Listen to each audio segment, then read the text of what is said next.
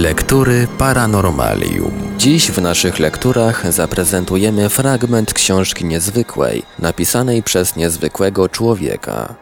Moje widzenie świata ojca Andrzeja Czesława Klimuszki, polskiego kapłana, franciszkanina, wizjonera, jasnowidza, medium i zielarza. Książkę tę na naszej antenie zaprezentujemy w odcinkach w całości.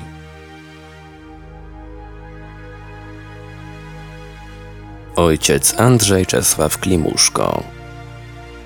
Moje widzenie świata. Parapsychologia w moim życiu. Wydawnictwo Instytut Prasy i Wydawnictw Nowum Warszawa 1989 rok.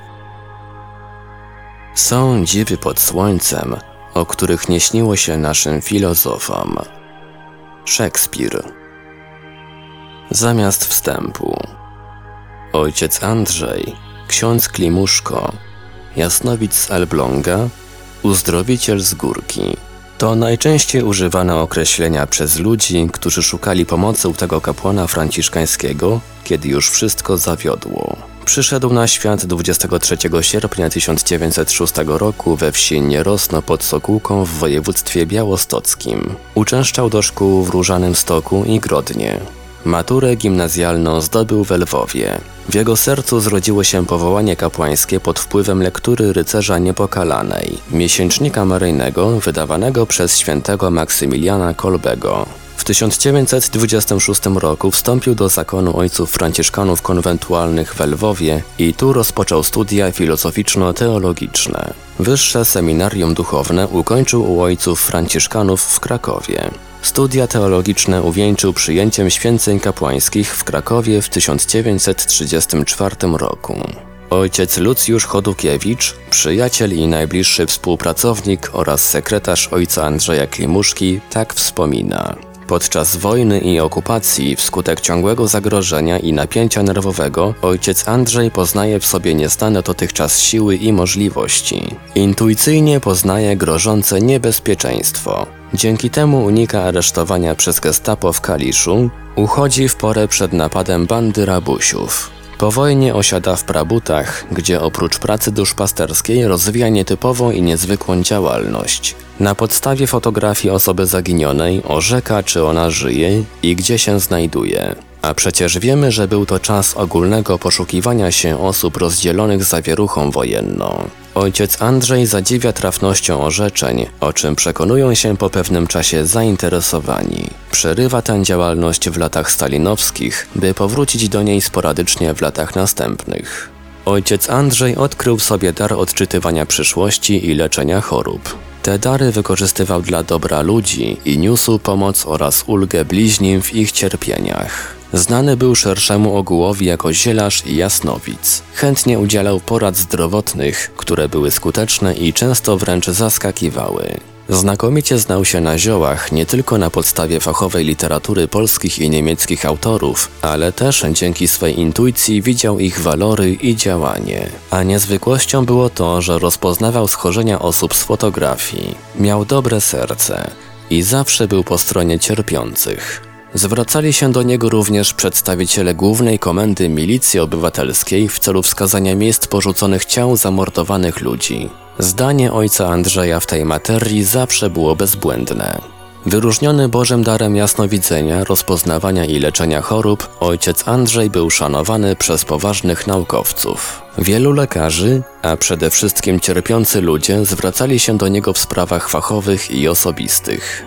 Ciągle rosła liczba zwracających się do księdza Klimuszki, zwłaszcza z Elbląga i okolicy. Gdy w prasie krajowej i zagranicznej ukazały się artykuły i polemiki na temat uzdrowiciela z Elbląga, ruszyła lawina korespondencji z całego świata. W kronice klasztornej czytamy: Były dni, że przychodziło około stu listów.